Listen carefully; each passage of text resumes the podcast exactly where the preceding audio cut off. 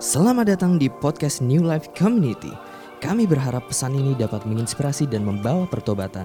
Kami berdoa Anda dapat merasakan Tuhan bekerja secara nyata dalam hidup Anda. Selamat mendengarkan.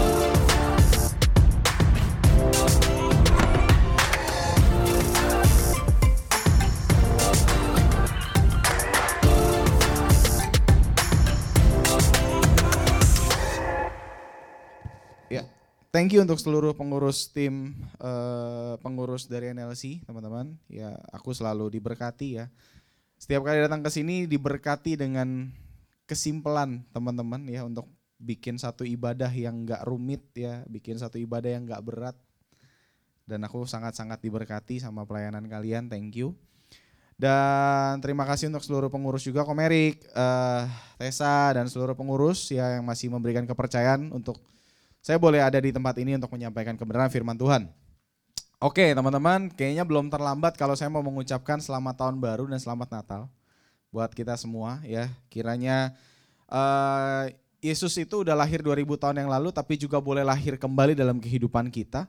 Supaya apa? Supaya kita punya satu tujuan yang baru, suatu eh, pengejaran yang baru dan satu pengenalan yang baru akan Tuhan.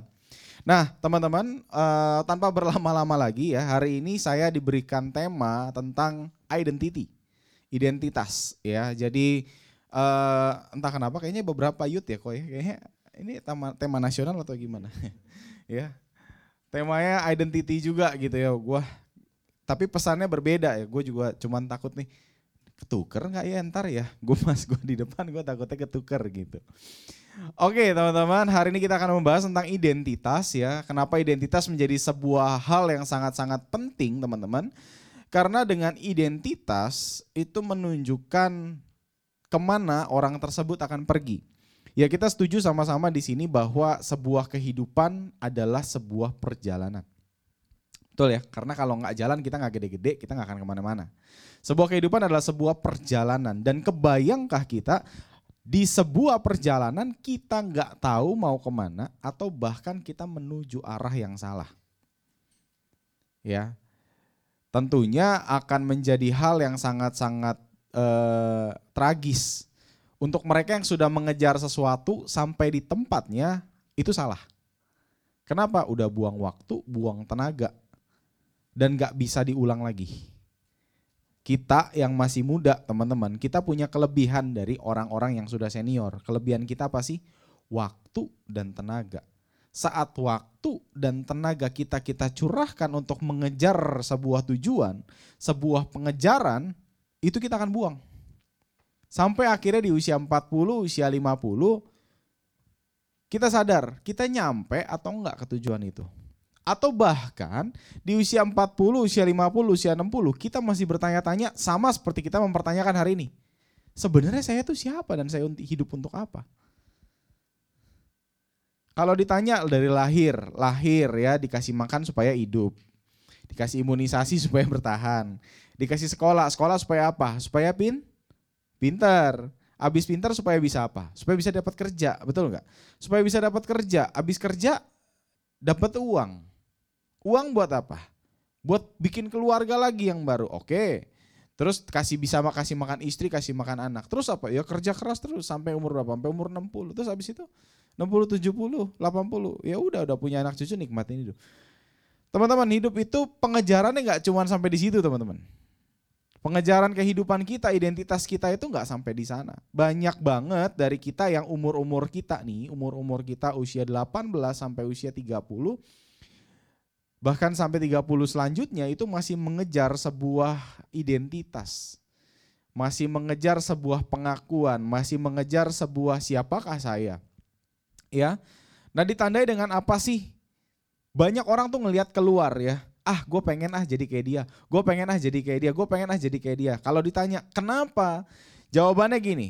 Ah, dia tuh keren, dia tuh menginspirasi, dia tuh terkenal, dia tuh banyak teman ya, dikenal orang dan lain sebagainya. Banyak banget alasannya. Akhirnya kita menghabiskan waktu untuk mengamati dan melihat sekitar.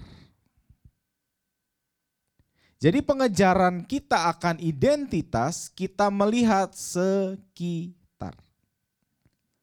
pengen jadi kayak dia ah, pengen jadi kayak dia ah. Ntar model berubah lagi ya.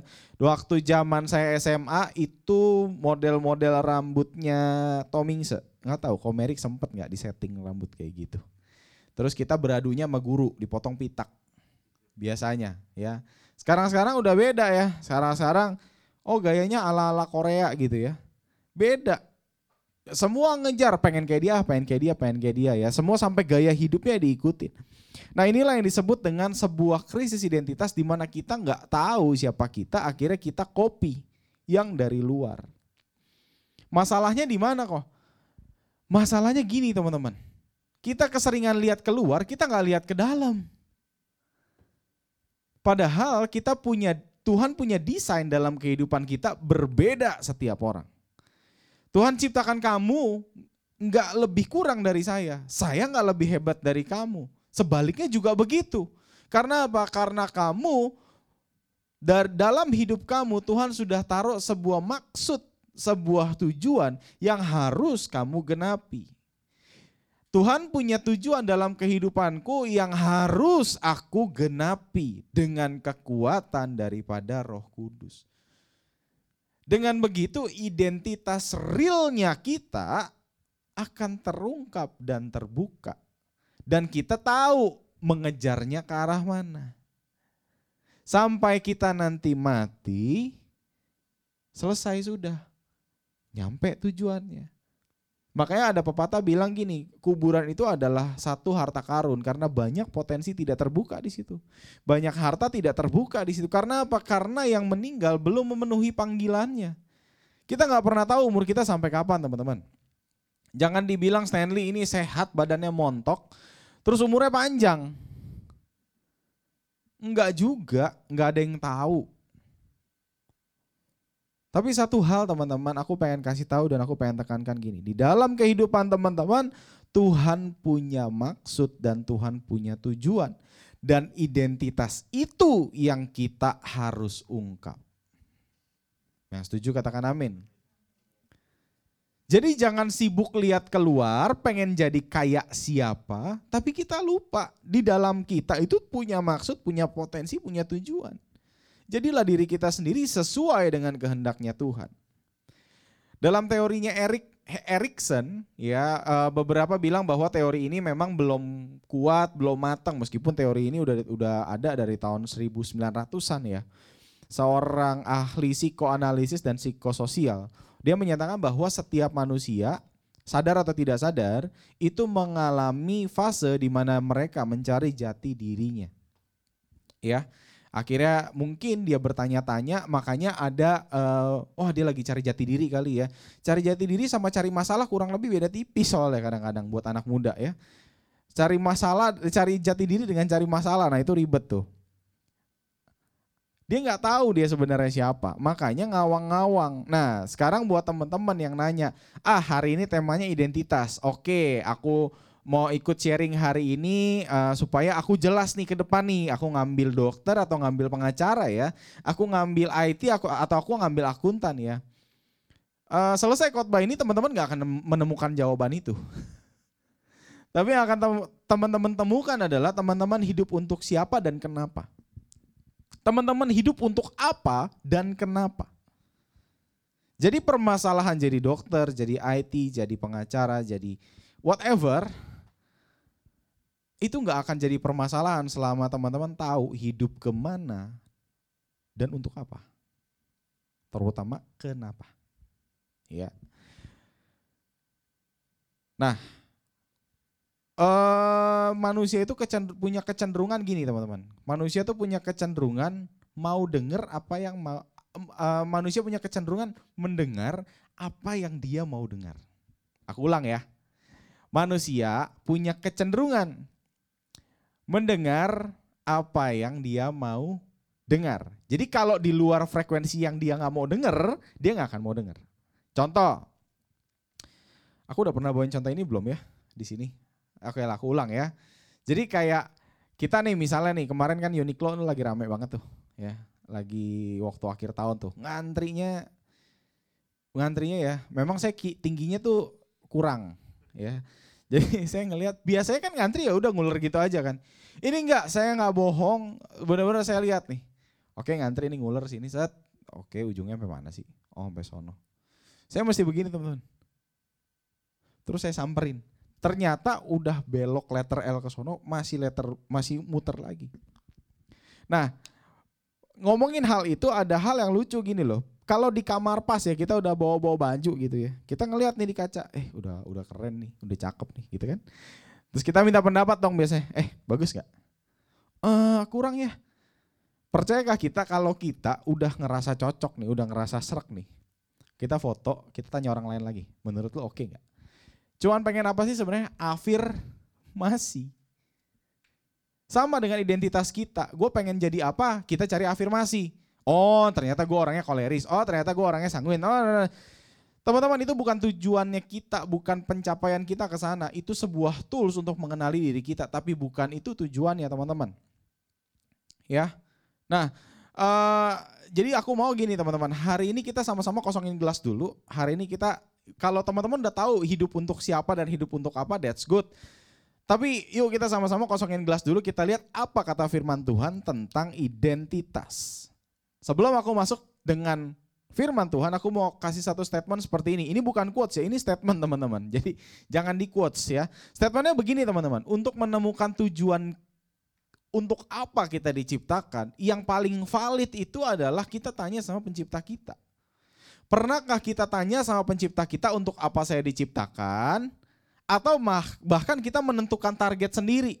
Kita mau menjadi seperti siapa tanpa kita tanya sama pencipta kita untuk apa kita diciptakan. Itu sebuah hal yang menurut gue sih kurang ajar banget gitu. Udah diciptain jadi, weh nyelenceng sendiri aja gitu ya. Sebuah pedang akan tak uh, sebuah uh, apa seorang tuka, pandai besi akan tahu ini besi ini digunakan untuk apa, besi ini digunakan untuk apa, besi ini untuk digunakan untuk apa. Nah sebelum kita mau matok nih jadi apa, yuk kita tanya dulu sang pencipta kita yaitu Tuhan. Kita perlu tahu dari Tuhan tuh mau kita tuh untuk apa teman-teman. Ya, aku akan me, aku akan sharing sama teman-teman lima poin hari ini. Lima poin. Poin yang pertama adalah kita harus bisa terima bahwa kita diciptakan oleh Dia dan untuk Dia. Itu poin pertama. Kita diciptakan oleh Dia dan untuk Dia. Jadi dengan penciptaannya kita, dengan kehadirannya kita di muka bumi ini, dengan kehadirannya kita di sini, itu udah ada untuknya. Udah ada supayanya, udah ada tujuannya. Yuk kita sama-sama buka Kolose 1 ayat 1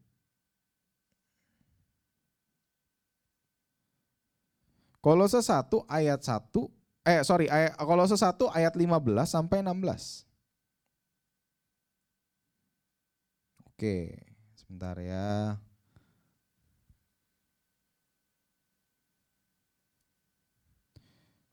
Udah bisa ditampilin? Oke. Nah, teman-teman, kita lihat sama-sama. Kolose 1 ayat 15. Ia adalah gambar Allah yang tidak kelihatan yang sulung lebih utama dari segala yang diciptakan. Ia ini siapa? Yesus. Yesus adalah gambar Allah yang tidak kelihatan. Allahnya tidak kelihatan. Tapi Yesusnya kelihatan. Yesus adalah gambar Allah yang kelihatan yang sulung lebih utama dari segala yang diciptakan. Ayat 16, karena di dalam dialah telah diciptakan segala sesuatu termasuk kamu dan aku. Termasuk musim baik dan musim tidak baik. Segala sesuatu diciptakan di dalam dia uh, yang ada di sorga, yang ada di bumi, yang kelihatan dan yang tidak kelihatan, baik singgah sana maupun kerajaan, baik pemerintah maupun penguasa, segala sesuatu diciptakan oleh Dia dan untuk Dia. Sadarkah kita kita diciptakan oleh Dia dan untuk Dia? Kalau kita ngomongin master plan manusia dalam kejadian 1 ayat 26 sampai 27, di sini dikatakan nih, Oke. Emang mesti ini ya kayaknya Bible-nya Bible tradisional ya. Soalnya kalau Bible gini suka ngeheng ternyata. Baru tahu saya. Oke. Berfirmanlah Allah, baiklah kita menjadikan manusia menurut gambar dan rupa kita.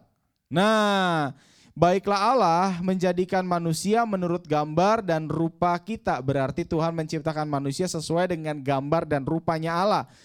Ada supaya supaya mereka berkuasa atas ikan-ikan di laut dan burung-burung di udara dan atas ternak dan atas seluruh bumi dan atas segala binatang yang melata yang merayap di bumi maka Allah menciptakan manusia itu menurut gambarnya, menurut gambar Allah diciptakannya dia, laki-laki dan perempuan diciptakannya mereka.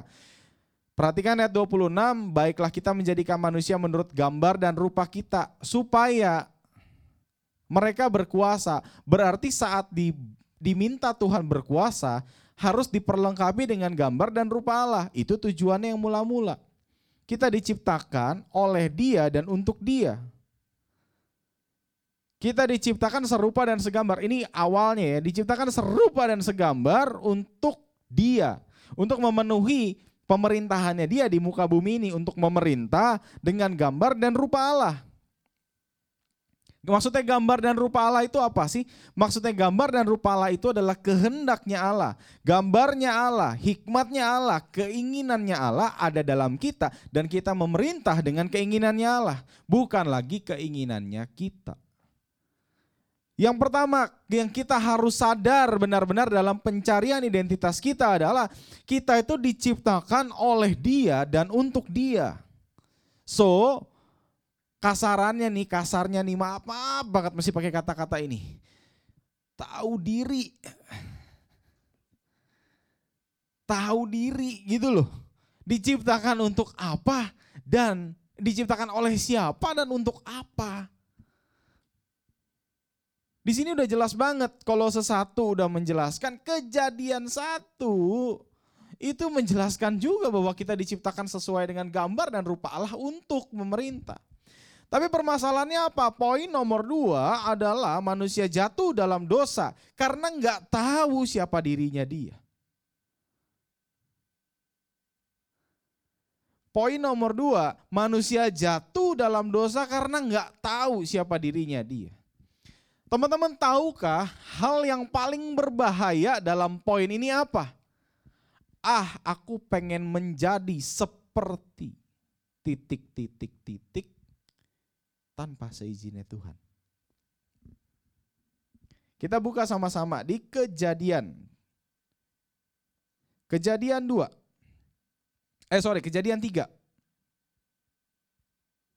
Kejadian 3 ayat 1 sampai 6.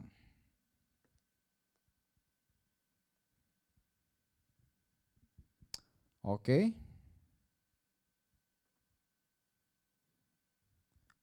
Oke.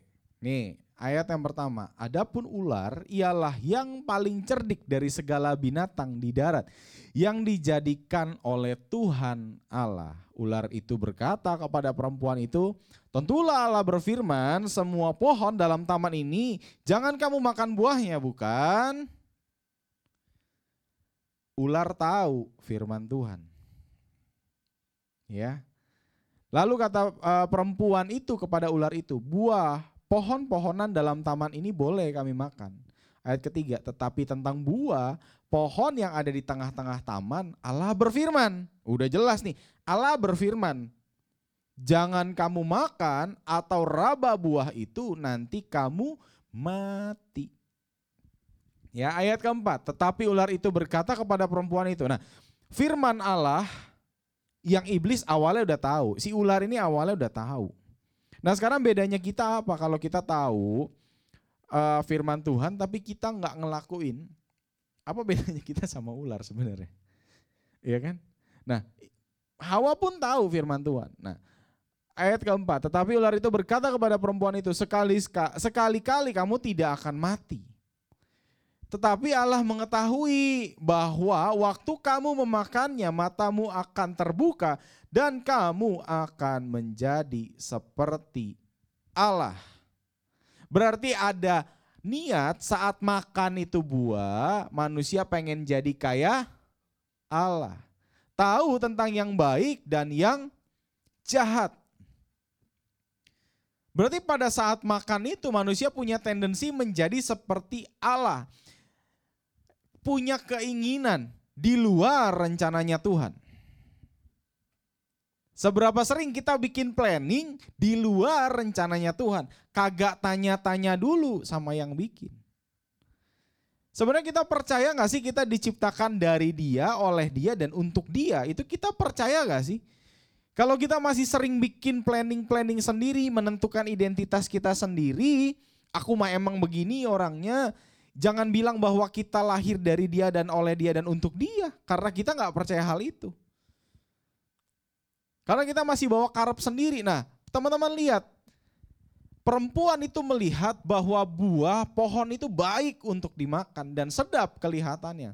Lihat, pengertian manusia, perempuan itu melihat bahwa buah pohon itu baik untuk dimakan. Pengertiannya manusia bilang, hmm, baik nih buat dimakan. Dan sedap kelihatannya. Lagi pula pohon itu menarik hati. Eh, makanya firman Tuhan bilang jagalah hatimu dengan segala kewaspadaan ya. Lagi pula pohon itu menarik hati karena memberi pengertian. Manusia jatuh dalam dosa karena ingin menjadi sesuatu yang tidak sesuai dengan kehendak Tuhan dan berjalan menurut pengertiannya. Sampai di sini aku mesti menjelaskan, menekankan bahwa penting untuk kita hidup dipenuhi dengan roh kudus, hidup dipenuhi dengan keinginannya Tuhan, supaya apa? Supaya semua keinginan kita adalah keinginannya Tuhan. Jangan lagi ada keinginan pribadi kita terbersit di situ. Jangan kita ngerasa diri hebat kalau misalnya kita satu hari atau satu minggu lepas dari firman Tuhan. Hmm, I'm fine. Enggak, enggak masalah di sini. Masalah nanti habis masuk tanah itu masalah itu. Selesai nggak panggilan kita? Aduh kok masih muda, jauh kok. Teman-teman, sejak COVID ini harusnya kita makin sadar nggak ada yang tua, nggak ada yang muda, teman-teman. Dan lagi ada kabar duka cita juga kemarin malam. Sriwijaya Air tuh jatuh. Berapa banyak anak kecil di situ. Berapa banyak orang yang tidak belum memenuhi panggilannya di situ. Aku nggak tahu juga karena aku nggak mendata. Turut berbela sungkawa buat teman-teman semua mungkin yang ada kerabatnya ada di situ. So sorry teman-teman. Sedih banget dengar ya. Kalau ada berita-berita kayak begitu tuh sedih banget. Tapi teman-teman aku mau menjelaskan bahwa umur gak ada yang tahu. Jangan semua berjalan dengan pengertian sendiri karena firman Tuhan udah bilang pengertianmu itu membawa kamu ke dalam maut sebenarnya akhirnya. Buah itu bikin kamu mati akhirnya. Kenapa manusia tertipu? Karena nggak kenal siapa Tuhan, nggak tahu identitasnya apa karena dia pengen ah jadi kayak itu. Ntar pengen ah jadi kayak siapa? Ubah aja sesuai dengan mode dengan modelnya aja. Tahun ini lagi model apa kita berubah modelnya. Tahun depan lagi model apa kita berubah modelnya. Lagi musim fotografer ya, kita jadi fotografer. Lagi musim IT, oh kita belajar IT. Lagi musim saham nih sekarang, oh gelontorin semua dana di saham. Bentar lagi musim kripto, masukin lagi kripto. Bukan masalah praktek ya teman-teman, tapi kita perlu tahu dasarnya tuh apa. Sehingga saat kamu menjadi seseorang, kamu nggak menjadi pribadi yang salah. Kamu tahu tujuan kamu hidup untuk apa. Manusia tuh nggak kenal dan nggak tahu untuk apa ya diciptakan, makanya dicari identitas. Dan gak banyak keluarga seorang ayah, karena gue bergerak di uh, waktu itu gue juga apa ditetaskan, ditobatkan juga, disadarkan juga dari salah satu camp pria. Gue juga jadi tahu bahwa sebenarnya tugas menanamkan sebuah identitas itu adalah dari ayah dan banyak sekali ayah tidak berfungsi dalam hal ini. Nah ini yang menjadi sebuah masalah dalam sebuah keluarga, anak-anak bertumbuh tanpa identitas. Akhirnya anak-anak mencari identitas dalam tanda kutip mencari masalah di luar sana untuk menemukan identitas sejatinya.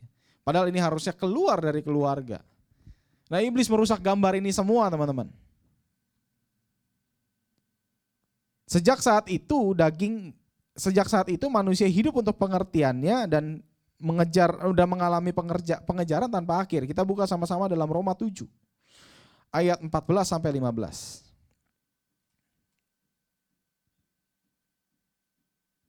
Roma 7 ayat 14 sampai 15.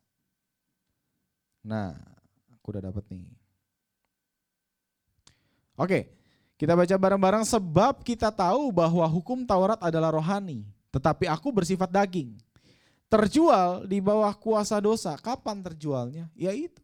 Saat kita menggenapi rencananya kita bukan rencananya Tuhan. Saat itu kita udah di bawah kuasa dosa, di bawah kutuk di bawah sebuah penguasaan dosa. Sebab apa yang aku perbuat aku tidak tahu karena bukan apa yang aku kehendaki yang aku perbuat tetapi apa yang aku benci yang aku perbuat. Saat Rasul Paulus ngomong hal ini tuh Paulus bilang, gue tuh pengennya melakukan firman Tuhan tapi kenapa daging ini menolak? Iya karena itu. Pengkhotbah 4 ayat 4 bilang begini, segala sesuatu yang dikerjakan di muka bumi ini semuanya sekarang sudah berdasarkan dengan iri hati dan keinginan daging. Sejak kapan ya? Sejak manusia jatuh dalam dosa. Sejak manusia itu mengikuti kehendaknya dia di atas kehendaknya Tuhan. Kehendaknya Tuhan dijadiin prioritas paling bawah. Yang penting kehendak gue dulu sampai. Nanti kalau kehendak gue udah sampai, gue baru memenuhi kehendak Tuhan. Udah dah, gue curang dulu nggak apa-apa. Nanti pas di atas gue benerin metode gue. Udah dah, yang penting naik kelas dulu nih sekarang. Nanti di atas gue benerin metode gue. Janji deh, gue pasti berhasil. Janji deh gue pasti belajar. Nah dari SMP sampai kuliah selesai S2 begitu terus. Nanti kerja begitu juga promosi. Sikut sana, sikut sini ya kan. Waduh kebutuhan hidup kurang. Udah dah uh, korupsi dulu nanti minta ampun sama Tuhan. Nanti kalau udah cukup, udah. Gak akan ada pernah kata cukup teman-teman. Sejak kita memenuhi kehidupan kita, kita meninggalkan Tuhan. Karena apa? Karena kita dikuasai oleh ego kita, teman-teman. Poin yang kedua adalah manusia jatuh dalam dosa karena nggak tahu siapa dirinya. Dan terjual akhirnya di bawah kuasa dosa. Nah, identitas yang ketiga adalah Yesus datang untuk menebus kita dari identitas-identitas dunia, identitas-identitas palsu. Kita buka sama-sama 2 Korintus 5 ayat 15 sampai 17.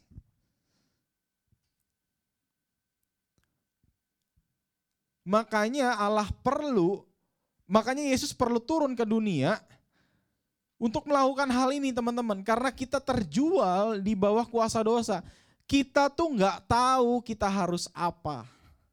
Makanya Yesus sering bilang, akulah terang hidup. Supaya apa? Supaya kita jalan tuh ada patokannya. Kalau ada terang kita tahu kita ke mana kita harus keluar. Di dalam sebuah kegelapan kita terjebak di dalam sebuah gua. gua. Yang kita cari apa? Sinar. Karena kita tahu di sinar matahari itu ada jalan keluar. Makanya Yesus bilang apa? Akulah terang hidup.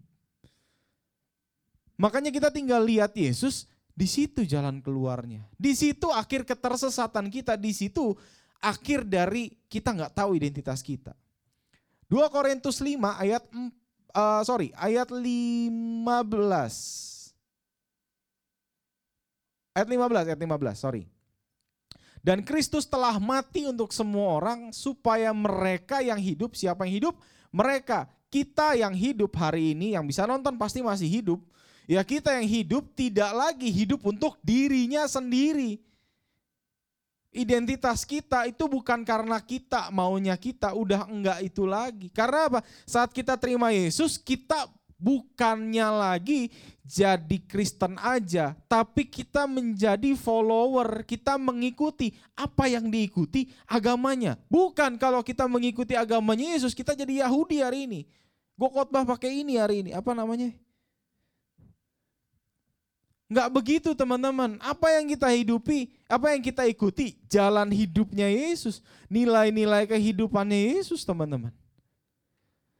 Tidak hidup untuk dirinya sendiri tetapi untuk dia yang telah mati dan telah dibangkitkan untuk mereka. Untuk siapa? Untuk kita. Kita nggak lagi saat kita terima Yesus sebagai Tuhan dan Juru Selamat, kita percaya dia mati dan bangkit kita udah nggak lagi hidup untuk diri kita sendiri, melainkan untuk dia. Satu eh, Kolose satu tadi dibilang bahwa kita diciptakan dari dia, oleh dia, dan untuk dia teman-teman. Nah ayat 16 cakep banget, dia bilang gini, sebab itu kami tidak menilai seorang pun juga menurut ukuran manusia. Ukuran apa yang dipakai? Dalam bahasa aslinya itu dia bilang sarkof, itu adalah kehendakku. Aku tidak menggunakan tolak ukurku lagi kasarnya, tolak ukurku sebagai manusia lagi untuk men, uh, menilai uh, siapa pun juga gitu. Dan jika kami pernah menilai Kristus menurut ukuran manusia, sekarang kami tidak tidak lagi mengen, uh, menilainya demikian.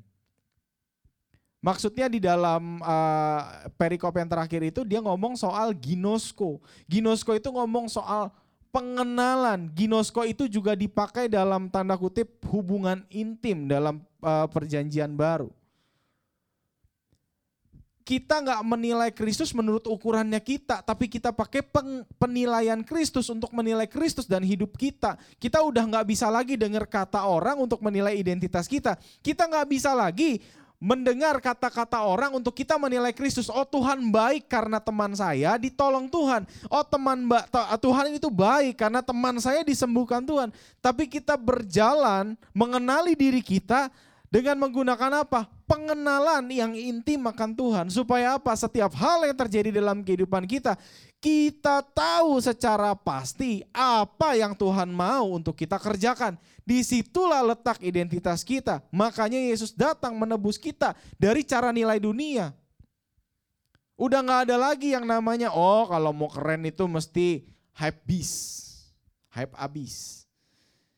Oh kalau mau dibilang keren, kenapa lu mau kayak mau kayak ini? Iya supaya bisa uh, kasih makan orang banyak. Emang sekarang kita nggak bisa kasih makan orang banyak dengan keterbatasan kita. Teman-teman, aku sharing sedikit. Ini bukan karena hebat dan kuatnya aku. Nggak ada. Aku dan Gladys itu sebenarnya manusia biasa. Dikuasai ketakutan iya, diteror juga iya. Aku sempat posting di Instagram aku kemarin waktu tahun tutup tahun 2020. Aku ngobrol sama Gladys berdua, aku bilang gini. 2020 itu bukan hal yang mudah loh buat kita kita di zoli eh ini uh, sorry ya bukannya kita bermaksud untuk merasa paling menderita di muka bumi ini karena kita tahu juga banyak yang lebih parah dari kita. Tapi aku pengen sharing gini, kita tutup tahun 2020 dengan rasa syukur yang luar biasa. Gaji tetap dipotong nggak? Dipotong. Tolong jangan forward ini ke orang kantor gue. Gaji tetap dipotong, berarti secara income kita turun. Tapi apakah kita berhenti untuk memberi? Enggak kok dan cukup kok hebat gue. Enggak. Bukan, gue nggak hebat karena memang standarnya di situ. Karena memang itu yang harus kita lakukan. Karena apa? Karena kita menemukan panggilan kita. Kita nggak hidup lagi untuk diri kita. Kita hidup untuk banyak orang. Coba teman-teman lihat deh. Apakah kita benar-benar terima Yesus secara utuh? Karena apa? Karena penilaiannya itu udah pasti berbeda. Kita pakai penilaiannya Tuhan supaya kita bisa melihat Tuhan dengan ketuhanannya. Kita bisa melihat Tuhan, kita bisa melihat Tuhan dalam kehidupannya kita. Karena apa? Karena Yesus datang memberikan satu standar yang baru, bukan standar dunia. Nah, berapa banyak kita masih pakai standar dunia untuk menilai kehidupan kita? Ah, gue mah gak keren, gue mah gak cakep, gue mah gak punya apa-apa. Gimana gue bisa memberi kalau gue gak punya apa-apa? Udah, gue kolek dulu sekarang, gue berhasil dulu. Nanti kalau gue kaya, gue baru memberi banyak orang. Gak begitu cara mainnya. Apa yang kamu punya hari ini kamu bisa berikan hari ini. Itu yang Yesus lakukan. Yesus datang untuk menebus kita dari identitas palsu, nilai-nilai dunia digoncangkan sama Yesus. 2 Korintus 3 ayat 16 sampai 18.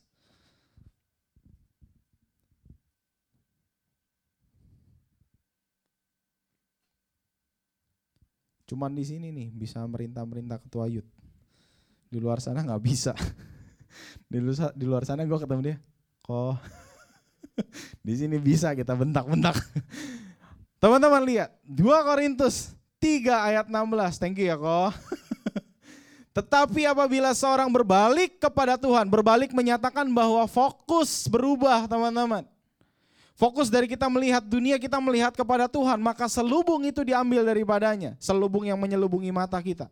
Sebab Tuhan adalah roh, di mana ada roh, di situ ada kemerdekaan. Nah teman-teman tahukah bahasa dasar kemerdekaan itu adalah Eliotero kalau nggak salah spelling ya karena gue bukan lulusan teologi tapi gue cari tahu bahasa ini kemerdekaan itu maksudnya apa sih apakah kita bebas melakukan segala sesuatu Eliotero itu menyatakan bahwa kita Jadi bebas melakukan apa yang seharusnya kita lakukan, bukan apa yang mau kita lakukan. Kemerdekaan yang berbeda. Kemerdekaan yang Tuhan berikan adalah supaya kita mampu berjalan menurut apa yang seharusnya kita lakukan. Yaitu panggilan awal kita, kita memerintah sesuai dengan gambar dan rupa Allah yang tidak rusak karena dosa. Makanya Yesus tebus kita, dikasih sebuah status, kita tuh merdeka. Dikasih sebuah status, kita itu makhluk yang merdeka sama Tuhan. Udah bukan lagi di bawah kuasa atau kutuk dosa. Udah enggak. Kita bebas melakukan segala sesuatu yang sesuai dengan kehendak Tuhan. Itu dia.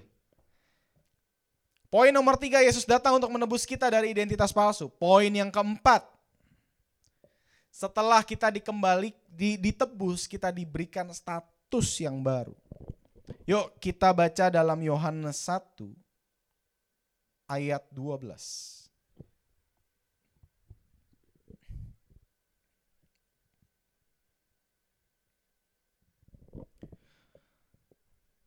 Yohanes 1 ayat 12, tetapi semua orang yang menerimanya, menerimanya itu menerima siapa?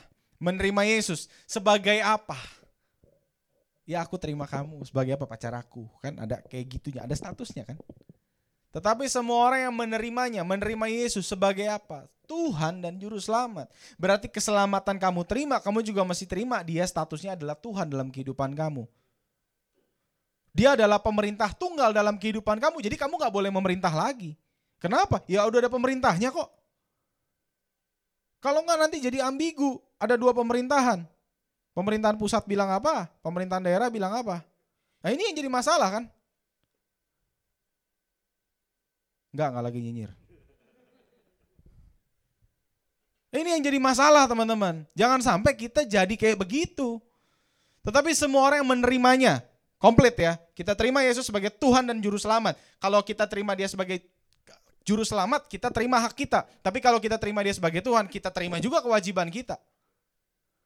Diberinya kuasa supaya menjadi anak-anak Allah. Kuasa ini pakai bahasa asli namanya exousia. Exousia itu menyatakan bahwa ada hak dari anak-anak Allah. Ada kuasa yang diberikan sama kamu dan aku untuk menjadi anak-anak Allah.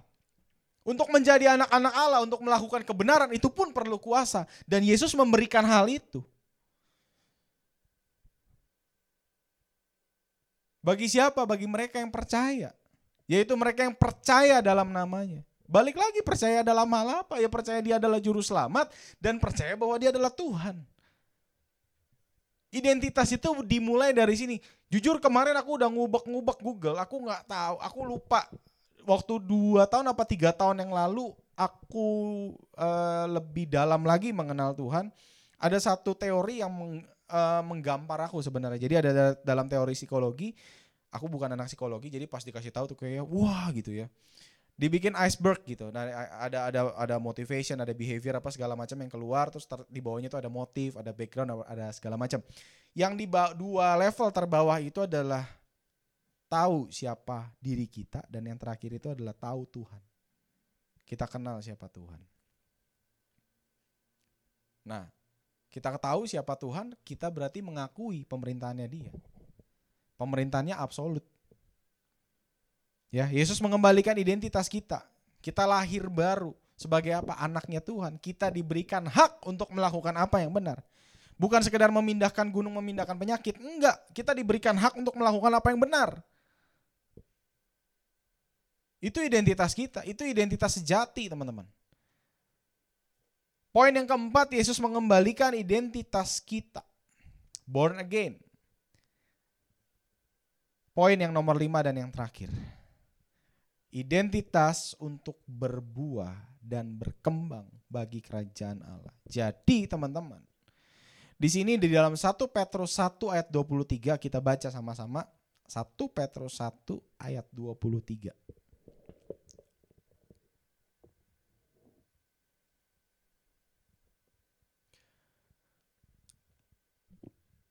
Kata Petrus gini, karena kamu telah dilahirkan kembali, bukan dari benih yang fana, Ingat, benih yang fana. Kenapa pakai kata-kata benih? Benihnya bahasa aslinya benar-benar benih loh, spora. Benar-benar bahasa aslinya tuh benih. Kenapa pakai kata benih? Tetapi dari benih yang tidak fana oleh firman Tuhan yang hidup dan yang kekal. Nah, perhatikan baik-baik kita dari benih yang tidak fana, benih yang kekal, benih yang abadi. Harusnya buah-buah yang kita hasilkan juga bukan buah-buah yang nggak kekal. Eh buah-buah yang buah-buah yang fana, tapi buah-buah yang kekal, teman-teman. Dan kenapa pakai kata-kata benih? Karena apa? Benih yang sehat itu pasti berakar, bertumbuh, berbuah. Apa pun buahnya. Dan pasti buahnya itu bisa dirasakan orang banyak dan bermanfaat buat orang lain, bukan buat buah itu sendiri. Jadi identitas kita yang baru untuk berbuah dan berkembang bagi kerajaan Allah. Buah kita dirasakan banyak orang. Jadi identitas kita, pengejaran kita itu bukan untuk kepuasannya kita, tapi coba dilihat kita mau jadi apa sesukses-suksesnya kita. Kita harus menggenapi apa yang Tuhan mau dalam kehidupan kita. Jadi saat kamu punya dasar ini, kamu mau jadi dokter, nggak masalah. Kamu akan jadi dokter yang memuliakan Tuhan. Kamu mau jadi pengacara, nggak masalah karena kamu akan jadi pengacara yang memuliakan Tuhan. Kamu mau jadi apa lagi? Marketing, kamu nggak masalah jadi marketing. Kamu akan jadi marketing yang memuliakan Tuhan dalam setiap jualan kamu. Kamu nggak akan bohongin kiri kanan. Uh, ini barang bagus lu, mancang lu, bagus. Uh, ambil dah. Padahal barangnya ini bobrok Nggak bisa teman-teman. Dasarnya harus benar. Makanya buahnya nanti benar. Buahnya apa? Buahnya tuh bukan yang fana. Buahnya tuh yang kekal teman-teman. Jadi kamu dipanggil hari ini untuk menghasilkan buah-buah kekekalan bagi kerajaan Allah. Kamu akan melakukan yang terbaik setiap hari karena kamu tahu kamu hidup untuk kerajaan Allah. Kamu akan melakukan yang terbaik setiap hari mengeluarkan versi terbaik kamu dalam hal apa pun yang kamu lakukan karena kamu tahu kamu bukan hidup untuk di dunia ini, tanggung jawab kamu untuk kekekalan. Saat ini jangan khawatir kamu mikir jadi apa dulu deh. Tahu dulu hidup untuk apa dan untuk siapa. Ya. Kenapa sih perlu pengenalan akan Tuhan? Supaya kamu bisa tahu sebenarnya apa rencana awal Tuhan sih. Aku ada kok yang kena covid udah mulai banyak kok aku nggak kena kena oh udah banyak yang meninggal karena covid kok aku nggak meninggal meninggal pasti ada maksud di situ. Habis kamu tahu master plannya apa kamu tahu sekarang posisi kamu di mana kamu akan tahu gapnya di mana dan kamu akan tahu ke mana kamu harus develop. Saat kamu tahu tujuannya kamu tahu sekarang kamu di mana kamu udah tahu larinya gimana. Jangan sampai tujuannya salah. Nah ini aku tadi bilang pengejaran yang sia-sia. Nanti udah sampai tua baru. Banyak artis menyesalkan ketenarannya dia. Ya kalau gitu jangan casting dari awal. Johnny Depp uh, banyak artis ya. Johnny Depp uh, siapa pemerannya Harry Potter? Daniel. Daniel Radcliffe. Uh -uh, terus siapa lagi? Mereka punya anxiety karena ke ketenarannya mereka. Mereka nggak bisa hidup tenang. Karena apa? Pengejarannya mereka ternyata salah nyampe di sini oh jadi terkenal kayak begini ya? Wah asik banget ya salah. Udah capek-capek terkenal ya kan? Jangan sampai teman-teman uh, ada dalam pengejaran yang salah. Ya. Mau kita review? Kita review ya. Dari poin pertama adalah kamu diciptakan untuk dia dan oleh dia. Yang kedua manusia jatuh dalam dosa karena apa? Manusia itu dalam dosa karena keinginannya sendiri, bukan keinginan Tuhan. Jadi jangan ikut keinginan pribadi. Yang ketiga, Yesus menebus kita, memerdekakan kita supaya kita punya hak untuk jadi anak. Yang keempat, setelah kita dibebaskan, kita diberikan hak yang baru supaya kita punya kuasa. Dan yang kelima, kamu harus hidup bertumbuh, berakar, berbuah untuk kerajaan Allah. Itu tujuannya. Kamu akan memerintah bersama-sama dengan Tuhan dengan hak dari Tuhan. Amin untuk firman Tuhan. Yuk, kita sebelum kita tutup firman Tuhan, kita mau berdoa dulu. Untuk pemain musik semua boleh maju ke depan. kita mau berdoa. Bapak kami mengucap syukur untuk hari ini kalau firman Tuhan telah disampaikan Dan kami mengucap syukur firman-Mu ini boleh indah dalam kehidupan kami. Kami boleh menjadi tahu untuk apa kami diciptakan dan ke mana arah pengejaran kami sesungguhnya harus berlari. Terima kasih ya Tuhan berikan kami hikmat supaya firman-Mu ini boleh tercerna dalam kehidupan kami, kami boleh memahami dalam bahasa kami masing-masing, dan kami boleh mempraktekannya dalam kehidupan kami. Tuhan berkati semua anak-anak di NLC, semua pengurus, kiranya kasih karunia Tuhan Damai sejahtera Tuhan, kebenaran Tuhan boleh menuntun kehidupan mereka di hari-hari ini sampai selama-lamanya dan kiranya mereka juga boleh menemukan panggilan mereka dalam kehidupan mereka masing-masing. Kami mau berdoa untuk seluruh pengurus, untuk seluruh gembala sidang dan seluruh tim gembala di tempat ini kiranya Tuhan memberkati mereka, berikan mereka hikmat supaya mereka boleh memimpin sesuai dengan kehendak Tuhan. Terima kasih ya Tuhan, kami mau menyerahkan semua ke dalam tangan pimpinan Tuhan di dalam nama Tuhan Yesus Kristus. Kami berdoa dan kami mengucap syukur. Amin. Terima kasih sudah mendengarkan podcast ini. Kami berdoa Anda diberkati melalui pesan yang telah disampaikan. Mari sapa kami melalui Instagram @newlifec dan bagikan pesan ini supaya lebih banyak orang yang diberkati.